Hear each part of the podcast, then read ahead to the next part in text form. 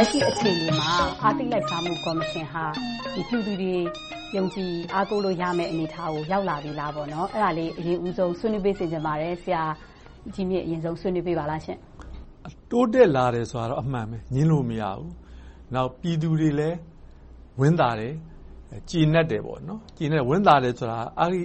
ကော်မရှင်ရဲ့ ဆောင်ရွက်မှုတွေ၊ကြိုးပမ်းမှုတွေပေါ်မှာ အသိအမှတ်ပြုတယ်ဆိုတဲ့ သဘောမျိုး ရှိပါတယ်။ဘာဖြစ်လို့လဲဆိုရင် ကျွန်တော်တို့ကနှစ်ပေါင်း88နောက်ပိုင်းမှာ၂၀၁၀အထိနော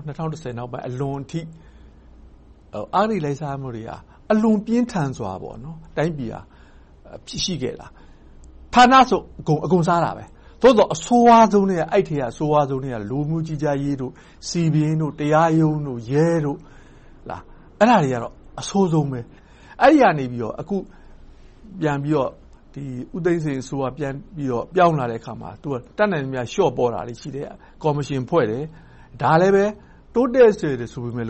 အားရလောက်အောင်တိုးတက်တာကိုမတွေ့ရဘူး။သို့သော်အလုပ်ကတော့စဖြစ်ပြီပေါ့။အခုတနင်္သာရီတိုင်းဝန်ကြီးချုပ်ကိစ္စဆိုရင်လဲဒါကတိုင်းဒေသကြီးဝန်ကြီးချုပ်အဆင့်အထိအမြင့်ဆုံးအရေးယူတာ။နောက်ပြီးခဲ့တဲ့အချိန်တုန်းကလည်းရှေ့နေချုပ်တွေရန်ကုန်တိုင်းကရှေ့နေချုပ်တွေအရေးယူခံရတဲ့ကိစ္စမျိုးတွေလည်းရှိခဲ့တယ်ဆိုတော့ တကယ်ကိုပဲ အဂတိလိုက်စားမှု ကော်မရှင်က နောက်ပိုင်းမှာ တကယ်ကို ထိထိရောက်ရောက် အလုပ်တွေ လုပ်လာပြီလား။အားရကျေနပ်မှု ရှိသလား။ကော်မရှင်အသစ်က အဟောင်းနဲ့ယှဉ်လို့ရှိရင်တော့ တိုးတက်မှုတွေ တစုံတရာတော့ ရတယ်။၂၀၁၈ ဥပဒေ ပြင်လိုက်တဲ့အခါကြတော့ ဘယ်သူမဆို ဒီကိစ္စတွေ လုပ်လို့ရှိရင် အဂတိလိုက်စားမှုလို့ သတ်မှတ်တယ်။နောက်တခါကျော်စောသတင်းရှိလာလို့ရှိရင်လဲဒီကျော်စောသတင်းကိုကော်မရှင်တွေနဲ့စုံစမ်းစစ်ဆေးရေးအဖွဲ့ဖွဲ့ပြီးတော့အရေးယူဆောင်ရွက်နိုင်တယ်ဆိုတဲ့ဟာတွေတိုးမြှင့်ပြီးတော့အာဏာတွေရလာတာ။အဲဒီတော့ကော်မရှင်တွေနဲ့ကိုယ့်ရဲ့လုပ်ပိုင်ခွင့်တွေတိုးမြှင့်ပြီးရလာတာဖြစ်တဲ့အတွက်ကြောင့်အခုလိုမျိုးထိထိရောက်ရောက်လုပ်လာနိုင်တဲ့အနေအထားမျိုးတွေရှိတာပေါ့။ဒါပေမဲ့အားရကျေနပ်လောက်ပြီလားလို့မေးလို့ရှိရင်တော့ဆရာအခုနပြောခဲ့သလိုပဲအဂတိလိုက်စားမှုကနက်နက်ရှိုင်းရှိုင်းရှိနေတာ။ကျယ်ကျယ်ပြန့်ပြန့်ရှိနေတာ။အဲဒီတော့ တကယ်ကိုအလုပ်ဖြစ်ဖို့ဆိုရင်ဒီထက်ပိုပြီးတော့ငါးကြီးကြီးတွေအများကြီးဖမ်းဖို့လိုသေးတာပေါ့။သူတို့မလုပ်နိုင်တာဘာများအခက်အခဲတွေရှိနေလို့လဲ။အဓိကတော့ဗျူရိုကရေစီယန္တရားပေါ့။ကျနော်တို့နှစ်စစ်အာဏာရှင်တည်ဆောက်ထားတဲ့ဗျူရိုကရေစီယန္တရားကြီးအတိုင်းလည်ပတ်နေရတာ။အဲဒီယန္တရားကြီးကအခုထိလက်စားတုန်းပဲ။အကြီးအကဲမှန်သမျှဒီဟာရဲ့တာဝန်ရှိသူမှန်သမျှအရင်စစ်အစိုးရကနေစစ်တပ်ကနေလက်သီးစား လုပ်ပေးခဲ့တဲ့ဟာတွေအဲဒီယန္တရားကြီးဟာအရင်စိတ်ဓါတ်တွေအတိုင်းပဲရှိနေသေးတယ်။နောက်ကျနော်တို့အစိုးရကတက်လာတဲ့လူတွေဆိုတာကပါတီကိုပဲကြည့်ပါဆိုပြီးလူမကြည့်ဘဲနဲ့ရွေးထားတဲ့လူတွေကလည်း Qualify လျော့တာတွေပါတယ်။အဲဒါကြောင့်ဒီယန္တရားကြီးဟာအရှိန်အဟုန်ကောင်းနဲ့ဆက်လည်ပတ်နေတုန်းပဲ။အဲဒီယန္တရားကြီးကိုထိန်းကျောင်းပေးနိုင်မှာကတော့အခုနပြောသလိုအဂတိလိုက်စားရေးတိုက်ဖျက်ရေးကော်မရှင်ကဒီထက်ပိုအလုပ်လုပ်ပြခြင်းအားဖြင့်ထိန်းကျောင်းပေးမယ်ဆိုရင် ကျနော်တို့ အဆင်ပြေနိုင်တယ်လို့အဲဒီလိုယူဆပါတယ်။ စောစောက ဆရာမလည်း ပြောတယ်ထင်တယ် ဆရာပြောသွားတယ်တိုင်ကြားတဲ့သူတွေကလည်း မတိုင်ကြားရအောင် ဖြစ်နေတဲ့ အခြေအနေတွေ ဒီစနစ်ကဟန်တာဖြစ်နေမလားပေါ့။ဟုတ်တယ်။တိုင်ကြားတဲ့သူတွေကို ကာကွယ်ပေးတဲ့နေရာမှာတော့ ကော်မရှင်အနေနဲ့ အားနည်းချက်တွေ ရှိတယ်။ဒါပေမဲ့ ဥပဒေကတော့ အရင်တုန်းကတော့ အကာအကွယ်မပေးဘူး။အခု ပြင်လိုက်တဲ့ ဥပဒေမှာတော့ အနည်းငယ် ကာကွယ်မှု တစုံတရာပေးရင် ကော်မရှင်ကပေးရင် ရတဲ့သဘော။ကော်မရှင်က လျှို့ဝှက်ထားရင် ရတဲ့သဘောတော့ ဖြစ်လာတယ်။ဒီနေရာမှာ ပြဿနာက ဘာလဲဆိုတော့ ဗျူရိုကရေစီ ယန္တရားကြီးကချအုပ်ကြီးကကော်မရှင်နဲ့ ပူးပေါင်းဆောင်ရွက်မှုအပိုင်းမှာအရမ်းကိုအားနည်းတယ်။ဥပမာဆိုရင်ဒီအစိုးရတက်တဲ့ကော်မရှင်ကော်မရှင်အသစ်လက်ထက်မှာသူကတစ်နှစ်အတွင်းတော့တိုင်စာ3000ကျော်ရတယ်။အဲ့တော့သူကတဝက်ကျော်1600တဝက်ကျော်ကိုသူကဥပဒေအသစ်အရာသူကနိုင်ငံဝန်ထမ်းဥပဒေအရရေးယူပါဆိုပြန်လွှဲချင်လွှဲလို့ရတယ်ကော်မရှင်ကလေအဲ့တော့ तू ကတော်တော်များများကဒီဘီရိုကရေစီရန်နေရတဲ့ခြားစားမှုတွေကိုတိုင်တာကိုပြည်သူလူထုကအဲ့ခါကျတော့သူ့ရဲ့တိုင်စာတဝက်ကျော်ကို तू ကပြန်ပြီးတော့လွှဲလိုက်တာ ကိုဌာနမှာနိုင်ငံဝန်ထမ်းဥပဒေနဲ့ပဲပြင်းပြင်းထန်ထန်ဖြစ်ဖြစ်ဘာဖြစ်ဖြစ်ပေါ့နော်အရေးယူကြပါစေဆိုပြီးတော့ तू ကပြန်ပြီးလွှဲလိုက်တဲ့အခါမှာတိုင်စာ1600ကျော်လွှဲလိုက်တဲ့အခါမှာဒီပြန်ကြားတာဌာနဆိုင်ရာတွေကဒီသူတို့ဘလို့လုပ်တယ်ဆိုတာကိုပြန်ကြားတာ920ပဲရှိတယ်တဲ့အဲ့တော့တဝက်ကျော်ပြန်မပြန်မဲနေတာအဲ့တော့ခုနချအောင်ကြီးကဒီဒီပြည်သူလူထုရဲ့တိုင်ကြားမှုတွေကိုအာဂယုမဆိုင်တဲ့သဘောပေါ့နော်အဲ့တော့920ပြန်920ကပြန်တယ်နော်ပြန်တာရေးယူတယ်လို့ပြောတယ် အဲ့တော့အရေးတွေပြောတော့ကျမတို့ကစစ်စစ်စစ်လိုက်လေ့လာတယ်ဘယ်လိုများရေးယူတာလဲဆိုတဲ့အခါကျတော့တကယ်920ထဲမှာတကယ်အရေးယူဆောင်ရွက်တာ268ရောက်အဲ့တော့အရေးယူတယ်ဆိုတော့အဲ့ဒီအရေးယူမှုကိုလိုက်စုံစမ်းတယ်အဲ့268ဦးထဲမှာမှဘယ်လိုများအရေးယူလိုက်ပါလဲဆိုတော့90ကိုစာနဲ့တတိပေးတာ60ကိုမှတ်တမ်းတင်ပြီးတော့တတိပေးတာဆိုတဲ့အခါကျတော့ကျမတို့တကယ်တမ်းကြည့်လိုက်တဲ့အခါကျတော့တကယ်ချချအုံကြီးကဘယ်လုပ်မလဲဒီလောက်နဲ့တော့မလေးစာနဲ့သတိပေးရုံလောက်နဲ့တော့ မှတ်တမ်းတင်ပြီးတော့ဟိုဆုံးမရုံလောက်နဲ့တော့ အလုံးမဖြစ်ဘူးပေါ့ ဟုတ်ကဲ့ပါရှင်ဆရာ ဥပဒေပိုင်းလေးကလည်း နည်းနည်း ဥပဒေမှာကော လက်ရှိ ဥပဒေမှာ ဘာဟာကွက်တွေ ရှိနေသေးလဲ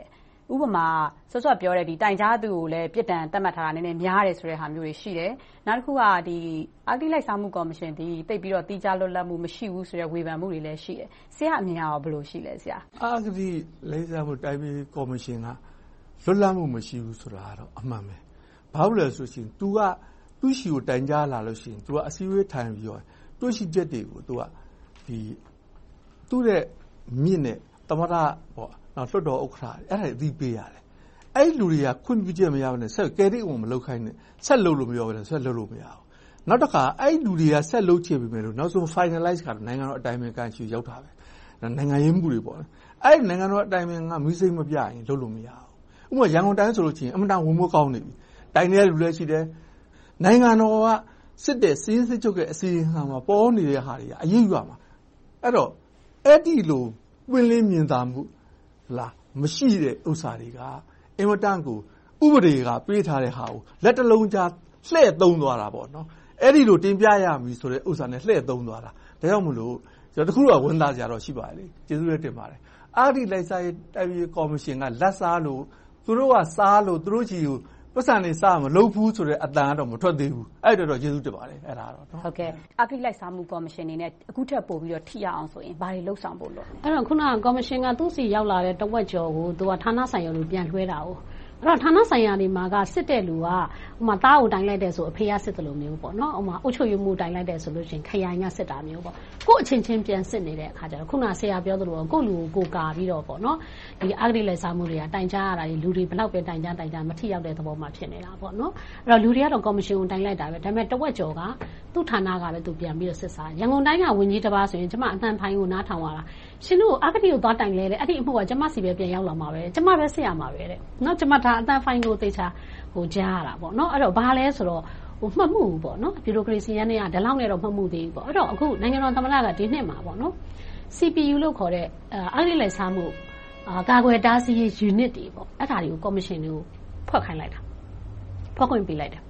အဲ့တော့ CPU တွေအခုလက်တွေ့အခုလောလောဆယ်မှာဘယ်လိုဖွဲ့နေကြလဲဆိုတော့ကိုယ့်လူနဲ့ပဲကိုပြန်ဖွဲ့နေအဲ့လိုလုပ်လို့မရဘူး CPU ဖွက်လို့ရှိရင်အပြင်အရုံမှာစောင့်ကြည့်လွတ်လပ်တဲ့စောင့်ကြည့်တဲ့သူတွေပါမယ်ပေါ့နော်အာထားပါတော့ဟိုရဲ